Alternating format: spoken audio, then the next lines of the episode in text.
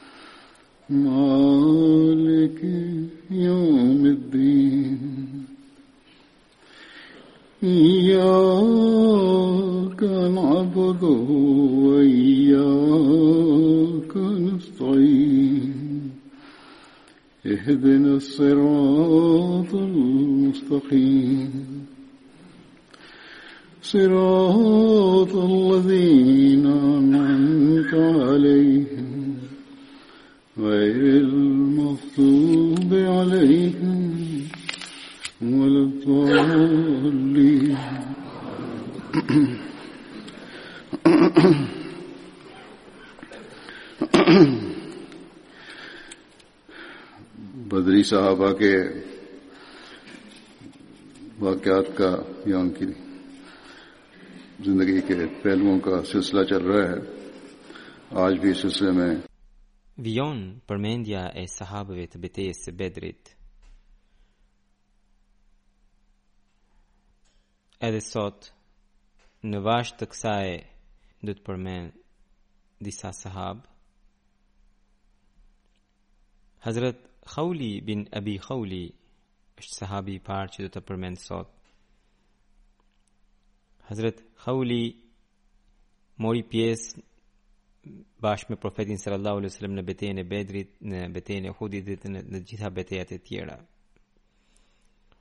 Thotë Abu Masheri dhe Muhammad bin Amri se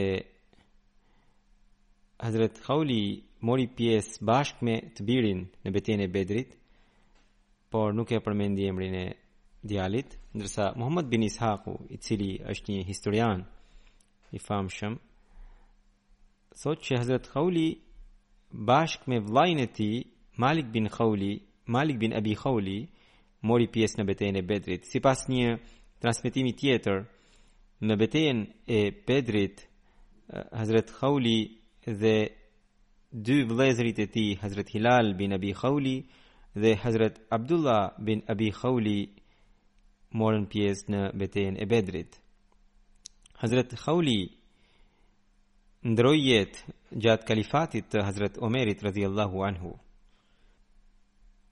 Sahabi i radhës që të përmend sot është Hazret Rafi Rafi bin Al-Mualla.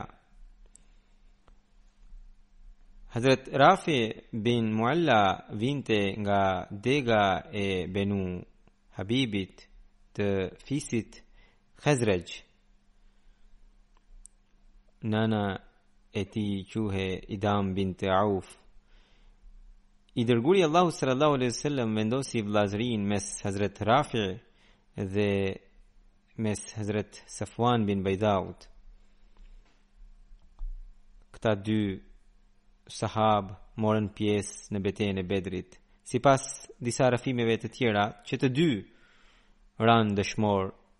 ditën e Bedrit. Sipas një transmetimi tjetër, Hazrat Safwan bin Baida nuk ndroi jetë në nuk ra dëshmor në betejën e Bedrit. Musa bin Aqba thotë që Hazrat Rafi ba, bashkë me vëllajën e tij Hilal Mualla morën pjesë në betejën e Bedrit. Hazrat uh, Rafiun e vrau Akrama bin Abu Jahl në betejën e Bedrit. Sahabi i radhës që do të përmend sot është Hazrat Zus Zushimalein Umair bin Abdi Amr. Pra Zushimalein Umair bin Abdi Amr. Emri i tij ishte Umeiri. Pra dhe nofka e tij ishte Abu Muhammed. Ibn Hishami thotë që ai quhej Dhushimalejn, pra kjo është një titull, edhe ai e kishte këtë titull sepse ai ishte mëngjarash. Sipas një rrëfimi tjetër, ai të dyja duart e tij përdorte njësoj, edhe për këtë arsye atij i thoshin edhe Zul Yedain, pra njeri i dy duarve. Ai vinte nga fisi Banu Khuza'a dhe ai ishte aleat me Banu Zuhra. Hazret Omejri erdhi në Medinë duke mërguar edhe qëndroi në Hazret, shtëpinë e Hazret Sad bin Husaymas. I dërguari i Allahut sallallahu alaihi wasallam vendosi vëllazëri mes atij dhe mes uh, Jezid bin Harithës. Të dy sahabë uh, ranë dëshmorë në ditën e Bedrit. Edhe atë pra sahabin në fjalë e vrau Usama Gjeshmi dhe në atë kohë ai ishte 30 vjeç, 30 vjeç. Në Tabakatul Kubra për vrasësin e, e Umejrit thuhet që ai ishte Gjeshmi pra në një rrëfim thuhet Abu Usama Gjeshmi në një tjetër Usama Gjeshmi. Sahabi i radhës është Hazrat Rafi bin Yazid. Sipas një rrëfimi ai është quajtur edhe Rafi bin Zaid. Hazrat Rafi bin Yazidi vinte nga dega shah më dega banu zahur bin abdul ashhal e fisit aus të ensarve nëna e rafiut ishte akrab binti muadhi ishte që ishte motra e një sahabi të famshëm pra të Saad bin Muadhit dy djemt e Rafiut ishin Usaidi dhe Abdurrahmani dhe këta dy djem ai kishte nga bashkëshortja Aqrab bint Salama. Hazrat Rafi mori pjesë në betejën e Bedrit dhe në betejën e Uhudit, sipas një transmetimi tjetër, ai kishte hipur në deven e Said bin Zaidit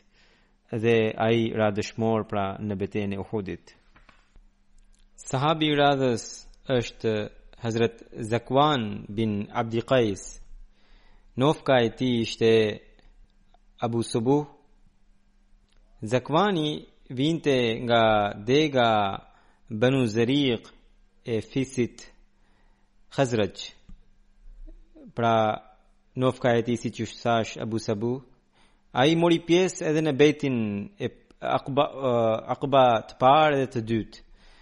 Veçantia e tij ishte që ai mërgoi nga Medina dhe në Mekë për të për të ardhur tek profeti Muhammed sallallahu alaihi wasallam. Në atë kohë pra profeti ishte në Mekë. Edhe për këtë arsye ai quhet Ansari Muhajir. Pra Ensar i cili bëri hijret. Kështu që pra ai erdhi duke mërguar nga Medina në Mekë, ai mori pjesë në betejën e Bedrit dhe betejën e Uhudit dhe në betejën e Uhud ra dëshmor. Atë e vrau Abu Hakam bin Akhnas. Hazrat Zakwan bin Abdi Qais, siç ju thashë, ishte Muhaxhir nga Medinasit. Allama Ibn Sadi në librin e tij Tabqati Kubra shkruan që në kohën e mërgimit kur disa muslimanë mërguan në Medinë, kurejshët ishin të hidhëruar dhe të rinjtë që ishin larguar nga Meka, ndaj tyre ata zemroheshin dhe Kur një grup erdhi për të bërë bejtin Aqba e dytë nga Medin nga Medina, atëherë disa mekas iu bashkuan dhe mbërritën në Quba. Atëherë disa medinas erdhën në Mekë dhe qëndruan me Profetin sallallahu alaihi wasallam derisa muslimanët e tjerë u mërguan, edhe ata u mërguan bashkë me muslimanët. Për këtë arsye këta muslimanë quhen Ensar Muhajir. Ndër këta ishte Zakwan bin Abdi Qais, Aqba bin Wahab, Abbas bin Ubada dhe Ziyad bin Labid. Më pas të gjithë muslimanët mërguan përveçse i dërguari i Allahut sallallahu alajhi wasallam Abu Bekri dhe Aliu ose ata që pra ishin në burg ose që ishin të sëmurë ose që ishin të dobët.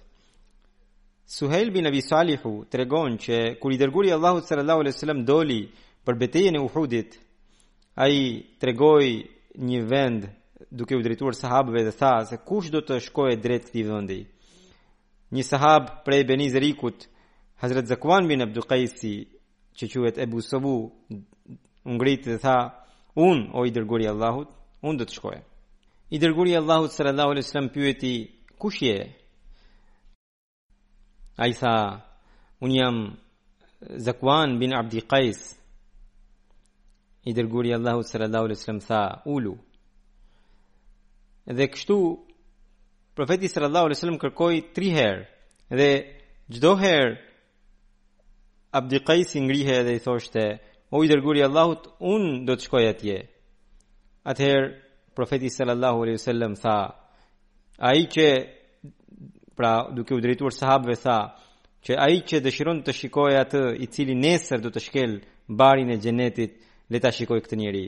Më pas, Zakuani shkoi për t'u thënë lamtumirë familjarëve të tij, gratë dhe vajzat e tij i thoshin që ti po ndahesh nga ne, ti po largohesh prej nesh, atëherë ai e tërhoqi mëngën dhe u largua paksa dhe tha, tani takohemi në botën tjetër. Më pas, pikërisht në betejën e Uhudit, ai ra dëshmor. Ditën e betejës së Uhudit, i dërguari i Allahut sallallahu alaihi wasallam i pyeti sahabët A di ndokush për Zakwan bin Abdi Qaisin?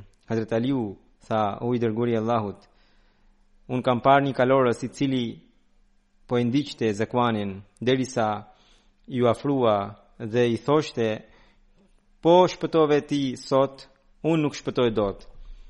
Edhe më pas, edhe ai ishte kalorës ndërsa Zakwani ishte këmbësor Dhe ai e vrau Zakvanin.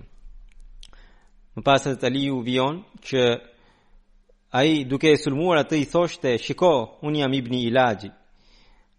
Dhe Hazrat Aliu thotë që më pas un iu vërsula e, e sulmova, ia preva këmbën, e zbrita nga kali dhe e vrava. dhe e pashë që ai ishte Abul Hakam bin Akhnas. Sahabi tjetër që do të flas sot është Hazrat Khawad bin Jubair Ansari. Nofka e tij ishte Abu Abdullah dhe gjithashtu edhe Abu Salih. Pra ai njihej me këta dy emra. Khawadi vinte nga Banu Salaba, pra nga fisi Banu Salaba,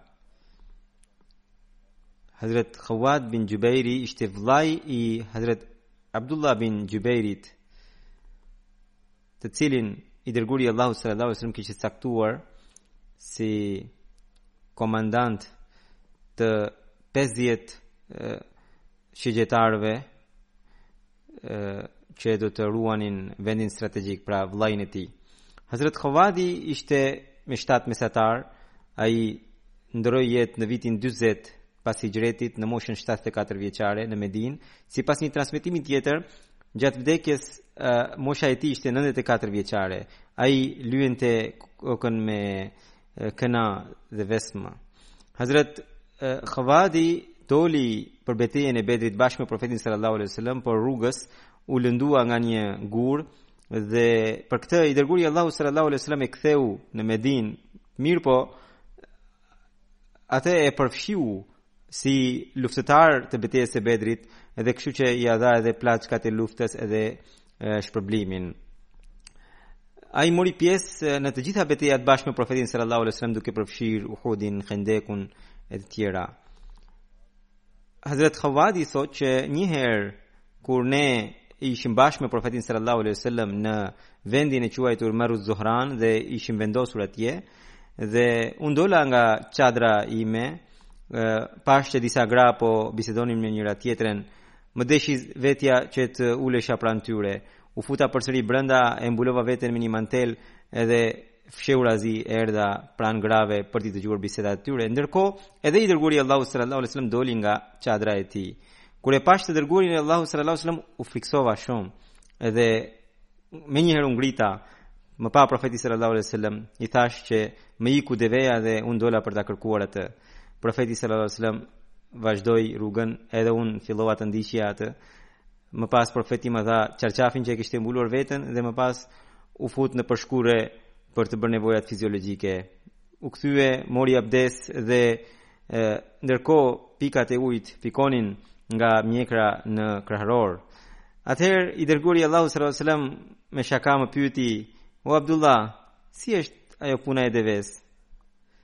Pra, nuk kishte asnjë deve dhe i dërguari i Allahut sallallahu alajhi wasallam e kuptoi që ai ishte ulur thjesht për të dëgjuar bisedat e grave dhe gjë që nuk ishte e mirë. Sidoqoftë, ai thotë që ne u nisëm dhe sa herë që profeti sallallahu alaihi wasallam më pas më takoi, së pari më jepte selam dhe më thoshte o Abdullah o Abu Abdullah çfarë ndodhi me deven dhe kështu profeti sallallahu alaihi wasallam vazhdimisht më ngacmonte unë fillova të rrija i fshehur në Medinë dhe dhe më pas i ndërpreva edhe takimet me profetin dhe frekuentimin në xhami Pasi kaloi pak kohë, përsëri shkoja, shkova në xhami, u ngrita për namaz, fala të falja dy rekate.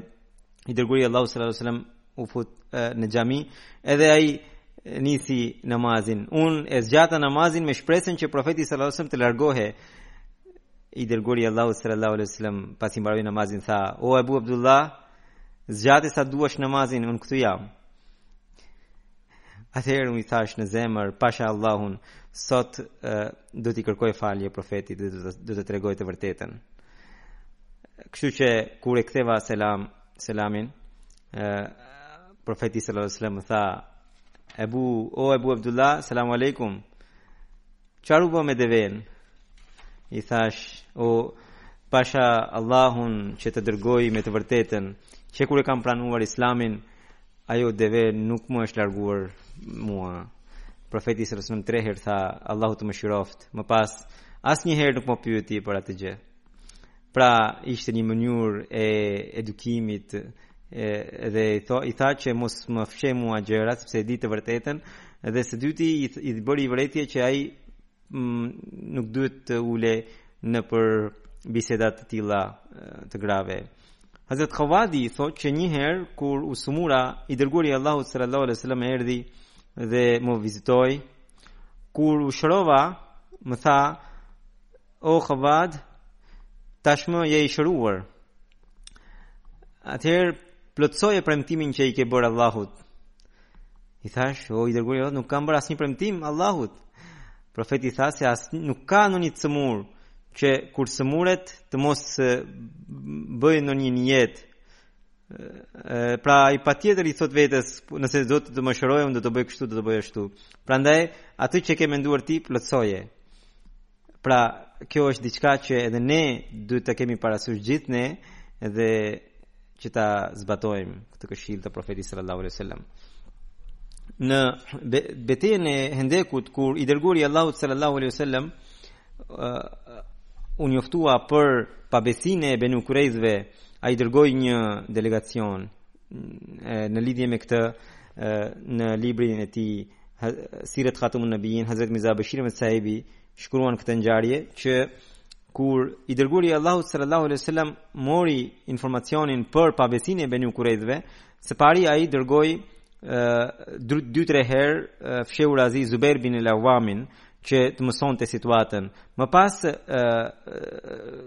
zyrtarisht dërgoi Saad bin Muadhin dhe Saad bin Ubadan që ishin dy prej dy kryetarët e dy krerëve të fiseve të, të Medinës dhe i, i, i porositi që në qoftë se ka ndonjë lajm të keq atëherë kur të kthehen të mos u tregojnë gjithë njerëzve por vetëm me shenjë të më tregojnë mua në mënyrë që të mos përhapet paniku kur këta shkuan në shtëpitë e Benu Kurejzve pra këtyre hebrenjve dhe takuan edhe kryetarin e tyre Kab bin Esedin ai i takoi me shumë mburrje dhe të dy Saadet pra edhe Saad bin Muadhin edhe Saad bin Ubaden filloi të grindej me të Saad këta dy Saad i, i kujtuan marrëveshjen që e kishte bërë me, me muslimanët ata thanë pra hebrenjtë thanë se ne nuk kemi asnjë marrëveshje me Muhamedin Ikni nga këtu. Me të dëgjuar këta, këtë ata u ngritën dhe erdhën tek i dërguari i Allahut sallallahu alaihi wasallam dhe ia treguan në mënyrë të fshehtë. Edhe aty aty thuhet që mes këtyre sahabëve që kishin shkuar atje ishte edhe Hazrat Khawwat bin Jubairi, për të cilin po flasim tani.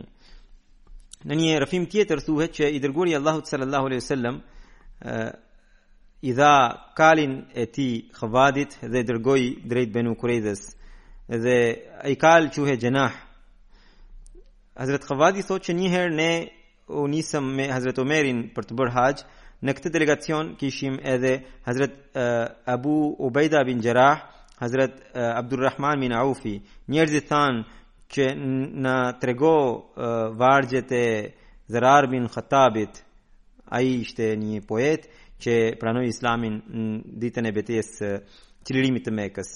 Hazrat Omeri më tha mua o Abdullah, pra o Abu Abdullah, domethënë Khavadi, ë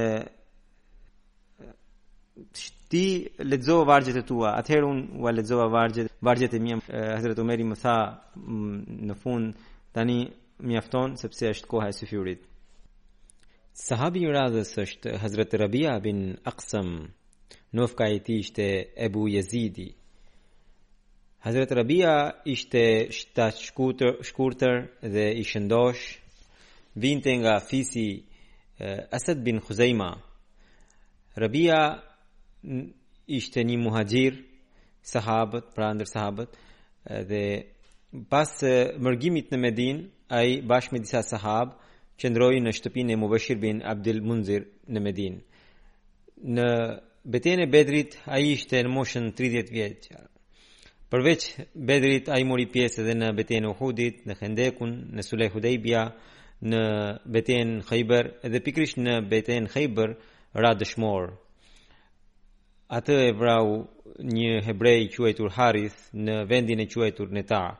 Neta ishte një kështjellë në Khayber dhe në moshën pra ai ndërroi jetë në 37 vjeçare në këtë moshë ra dëshmor pra. Sahabi i radhës është Hazrat Refa bin Amr al-Jahni. Emri i tij përmendet edhe Vadia bin Amr. Hazrat Rifa mori pjesë në Bedër dhe në betejën e Uhudit. Ai vinte nga fisi i Ensarëve Banu më falni aleat, ishte aleat me Banu Nejar. Sahabi i radhës ishte Hazrat Zaid bin Vadia. Zaidi vjen nga fisi Khazraj i Ensarëve. Ai mori pjesë në Bejti Aqba në betejën e Bedrit dhe në betejën e Uhudit dhe pikërisht në betejën e Uhud ra dëshmor. Nana e tij quhej Umme Zeid binti Harith dhe gruaja ishte Zeynab bin Sahal me të cilën ai ka pasur tre fëmijë, Saad bin Zejd, Umama dhe Umi Kulthumi. Djali i tij Saadi në në periudhën e kalifatit të Hazret Omerit mërgoi në Irak dhe aty në vendin e quajtur Aqrquf banoi. Aqrquf ishte një vendbanim pranë qytetit të Bagdadit. Sahabi i radhës është Hazrat Rabi' bin Rafi Ansari, gjyshi i tij quhej sipas tyre disave Harith dhe sipas disa të tjerëve Zejd. Hazret Rabi bin Rafi vinte nga fisi Benu Ajlan, ai mori pjesë në betejën e Bedrit dhe në betejën e Uhudit. Sahabi i radhës është Hazret Zejd bin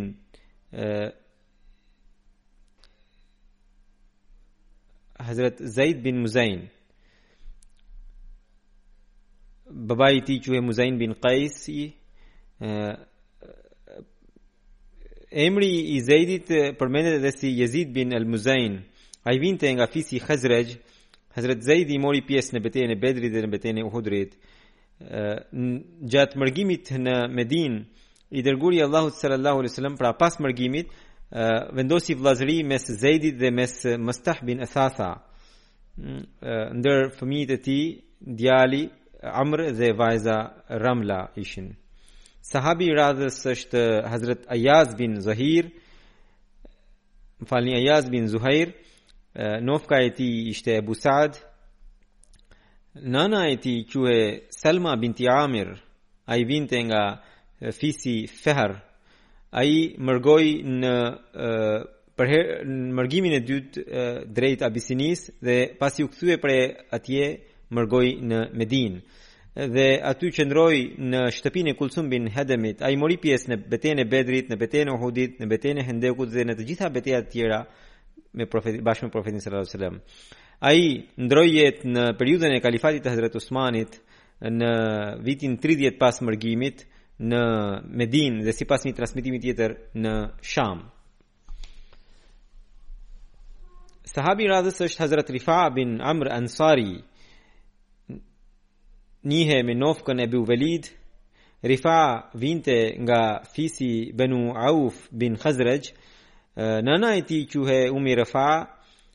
Ai ishte njëri prej shtatëdhjetë sahabëve të cilët morën pjesë në bejtin e dytë të Aqbas.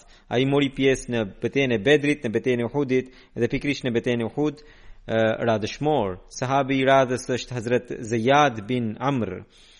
Zejadi njihej gjithashtu me emrin Ibni Bashir. ose Ibni Bashir. Ai ishte aleat me Ansarët. Ai mori pjesë në betejën e Bedrit dhe gjithashtu vëllai i tij Hazrat Zamra mori pjesë në këtë betejë.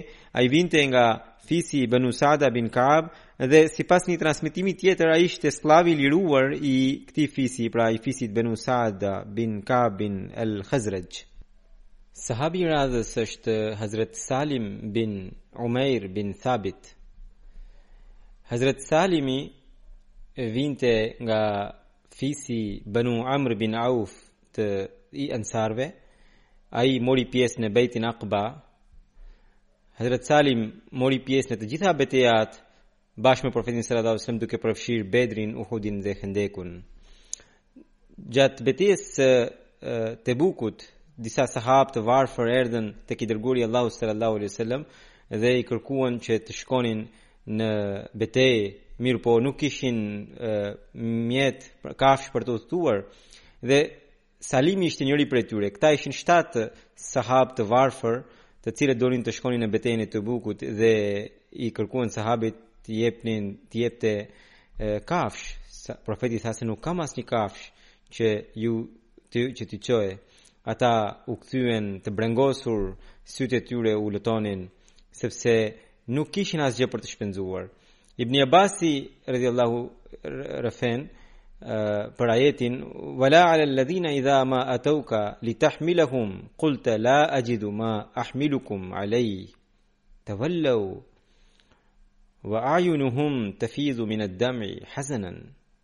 Alla yajidu ma yunfiqun. Së pari do të lexoj përkthimin e këtij ajeti. Pra Allahu thotë, nuk ka gjynah as për ata që kur të erdhën që t'i mbartje për të shkuar në xhihad dhe ti u the, nuk gjej ndonjë mjet për t'ju mbartë. Ata u kthyen ndërkohë që sytë e tyre u lotonin nga brenga, që nuk kishin asgjë për të shpenzuar në rrugën e Zotit. Pra, në lidhje me këtë ajet, Hazrat Ibni Abasi, radiallahu anhu, tregon që ky ajet u referohet pikërisht këtyre sahabëve dhe ndër ta ishte edhe Salim bin Umejri dhe Thalaba bin Zejdi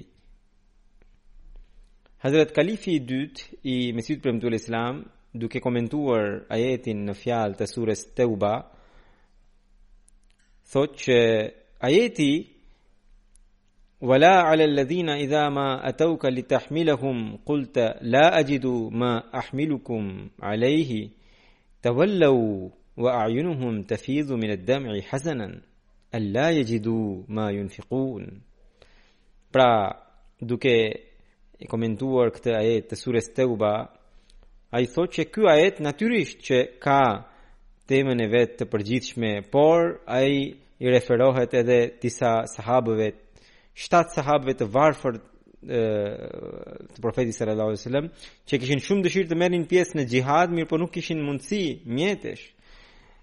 I kërkuan të dërguarit Allahut sallallahu alajhi wasallam, por i dërguari i Allahut sallallahu alajhi wasallam tha që Keqardhje nuk ju jap dot asnjë gjë. Ata u brengosën, u lotonin sytë, edhe u kthyen duke thënë që pra u kthyen dhe ë vjen edhe një rrëfim tjetër që ë pas tyre Hazrat Osmani dhuroi tre deve, tre deve dhe disa dhe dhe disa sahabë të tjerë dhuruan edhe katër deve të tjera dhe profeti sallallahu alajhi wasallam secilit i dha nga një deve. Ë uh, Hazrat Kalifi i dytë thotë që Kurani i famëlartë e përmendi këtë ngjarje për të treguar sinqeritetin e atyre muslimanëve të varfër dhe të krahasojë sinqeritetin e tyre me sinqerit me sinqeritetin e atyre muslimanëve që kishin mundësi por nuk shkuan dot. Pra, këta që ishin të varfër kishin shumë sinqeritet. Dhe ky ajet tregon gjithashtu edhe një fakt tjetër që ata që mbetën në Medinë jo të gjithë ishin hipokritë.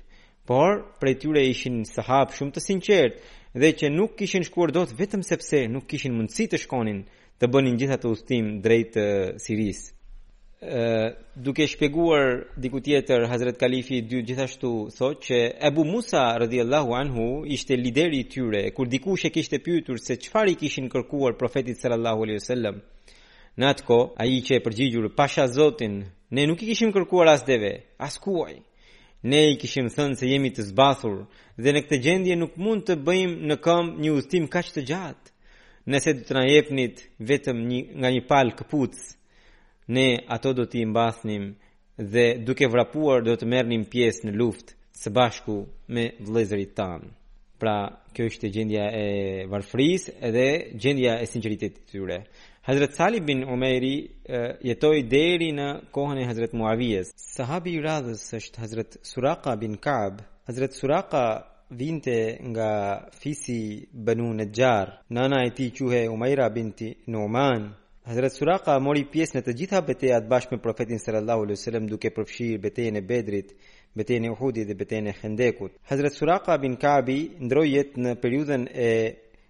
Hazret Muavias dhe sipas një rrëfimi tjetër të Kelbiut, ai ra dëshmor në betejën Yamama. Sahabi i radhës është Hazret Sa'ib bin Maz'uni. Hazret Sa'ib bin Maz'uni ishte vllai i Hazret Usman bin Maz'unit. Ai ishte njëri nga ata të cilët mërguan për drejt Abisinisë. Ai mori pjesë në betejën e Bedrit dhe në betejën e Buvatit kur profeti sallallahu alajhi wasallam u nis sipas disa transmetimeve ai la Amir Hazrat Saad bin Muadhin dhe sipas disave të tjerë Hazrat Saad bin Usmanin dhe sipas një transmetimi tjetër pikërisht Hazrat Saib bin Mazunin e la si emir të Medinës. Hazrat Saibi pati mundësinë të udhëtonte si ba, pra të ishte si bashkudhëtar gjatë tregtisë që bënte profeti sallallahu alaihi wasallam. Pra sipas rrëfimit të Sunenit të Ebi Daudit, ë kur thotë që kur Saibi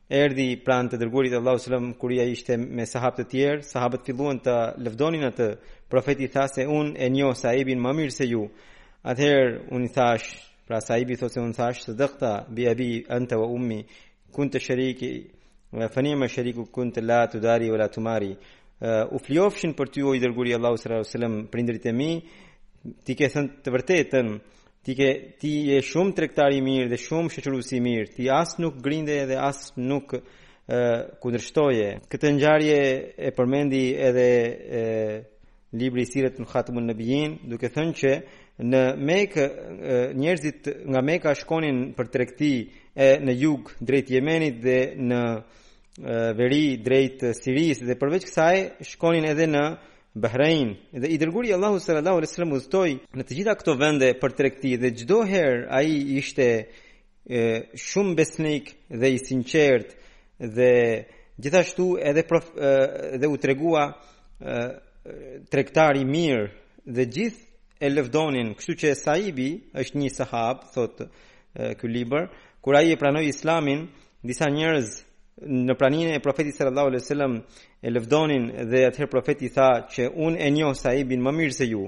Dhe atëherë Saibi i tha: "O i dërguari i Allahut, prindërit e mi u flijofshin për ty. E, ti gjithmonë ke qenë shoqëruesi i mirë me mua." Edhe në tregti ke qenë jashtëzakonisht i sinqertë. Pra ishte dëshmia e Saibit.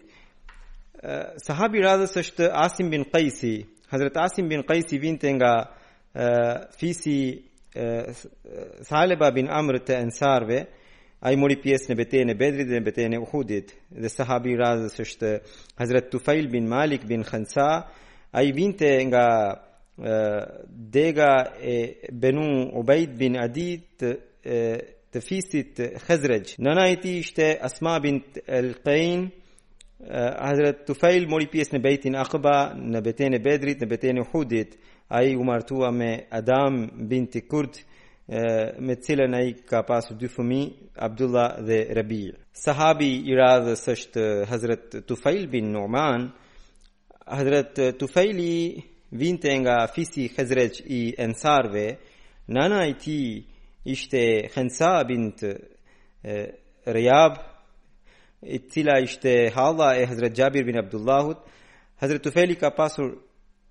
Një vajzë që quhej Rubeje, ai mori pjesë në betejën, më falni në bejtin Aqba, në betejën e Bedrit.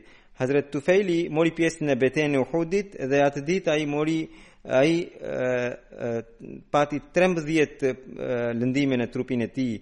Ai mori pjesë edhe në betejën e Hendekut dhe pikërisht në këtë betejë ra dëshmor Vahshiu e vrau Tufailin ai thoshte, pra Vehshiu më vonë u bë musliman, ai thoshte që Allahu i Madhrishëm i nderoi Hamzan dhe Tufail bin Numanin nga duart e mia, por mua nuk më poshtëroi nga duart e tyre, domethënë thoshte që unë nuk jam vrarë në gjendje kur kam qenë jo besimtar, por e kam pranuar Islamin.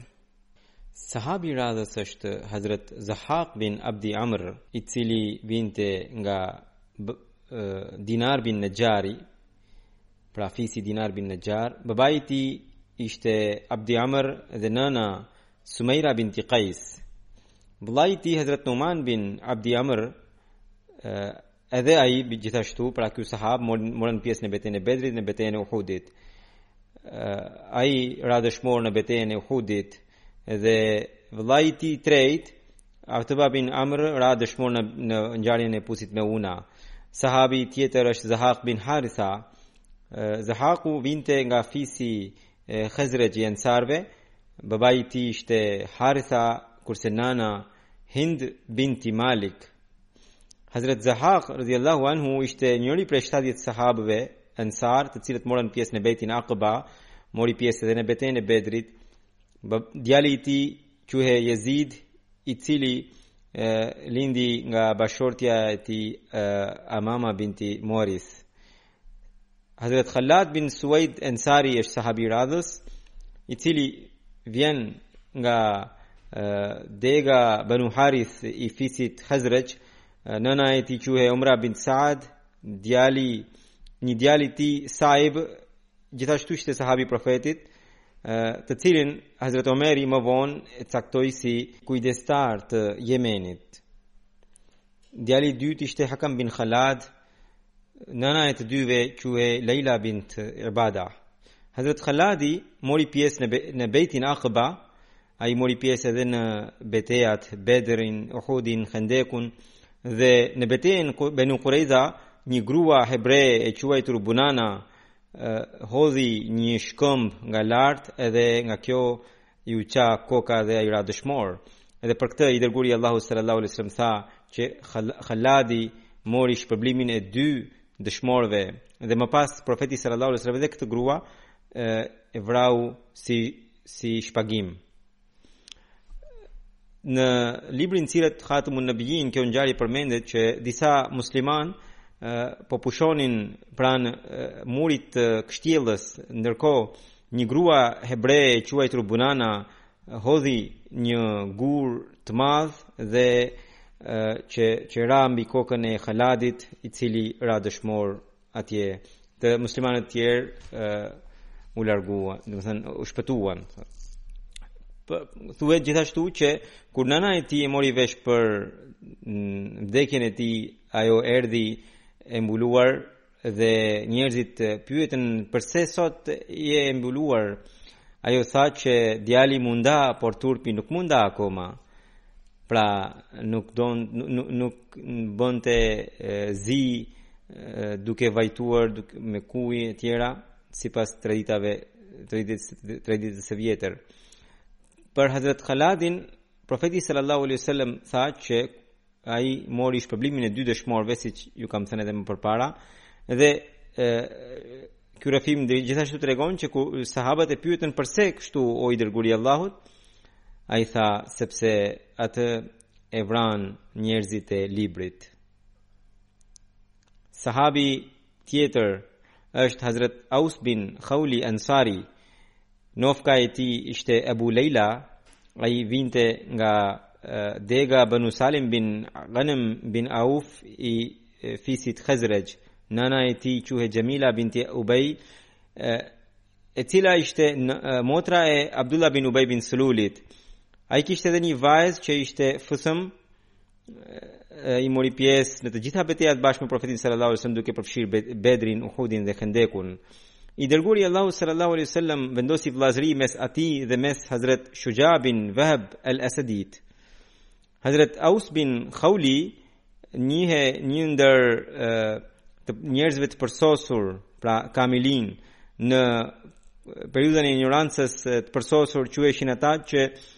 shkruanin, pra dinin shkrim e këndim të gjuhës arabe dhe që ishin mjeshtër në shigjitari dhe gjithashtu e, dinin edhe not. Pra këto tre gjëra në qoftë se dikush i dinte, ai ishte e, njihej me titullin i përsosur.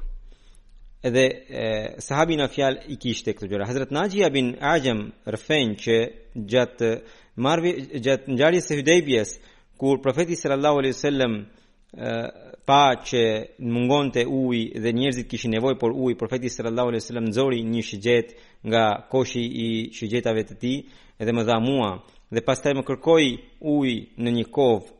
Profeti sallallahu alaihi wasallam bëri mori abdes dhe Pastroi gojën dhe atë ujë përsëri nxori në kovë. Ndërkohë muslimanët e tjerë e, kishin shumë vapë. Më pas profeti më, më tha që këtë kovë ta derdhja në pus dhe ndërsa shti, shtizën ta ngulja në fund të pusit. Unë betohem për atë i cili e ka dërguar profetin sallallahu alaihi wasallam me të vërtetën, menjëherë filloi të gurgullonte uji, siç gurgullon tenxheria kur zien. Dhe kaq shumë sa që unë mezi kam dalë nga pusi dhe sepse uji filloi të mbushej në pus dhe aq shumë ujë kishte sa që gjithë njerëzit derisa njeriu i fundit prej tyre shuajti etjen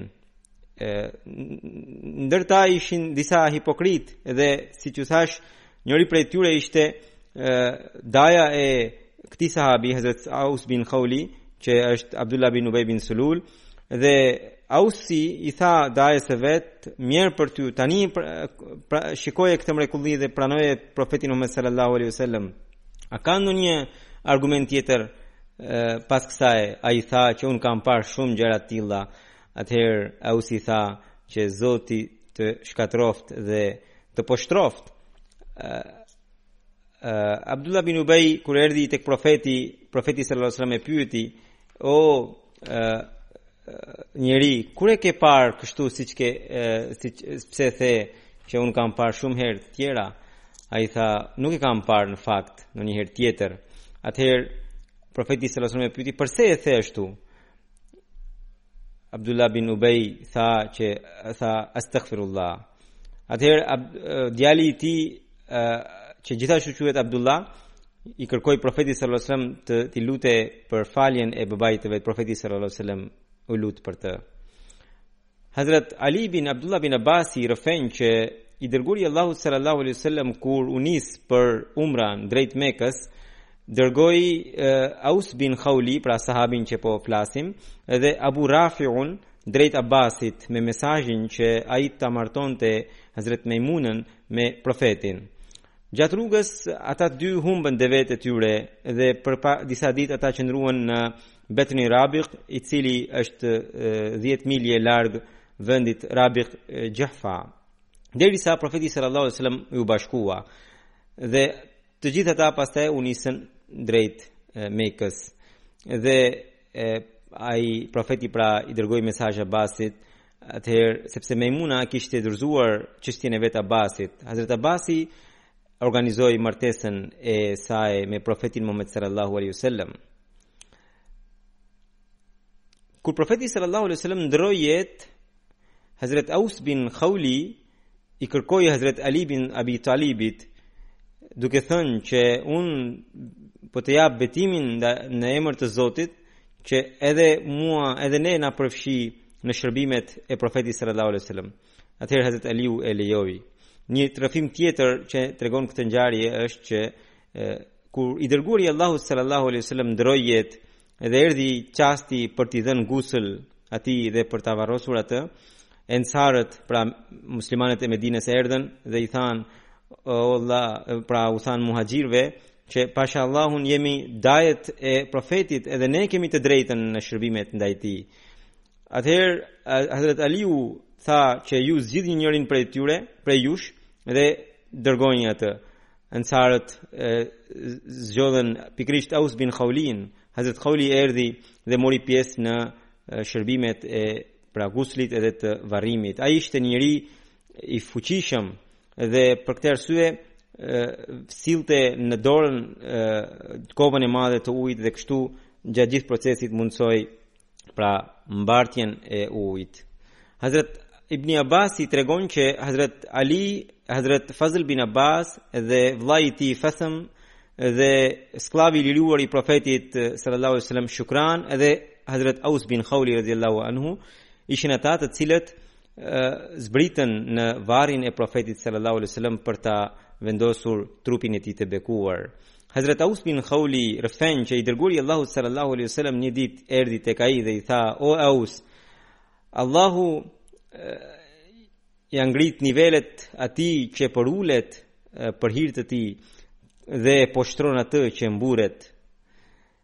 Pra, kjo është ky është një mësim shumë i rëndësishëm që ne duhet ta mbajmë mend. Hazrat Ausi ndërroi jetë në Medinë në periudhën e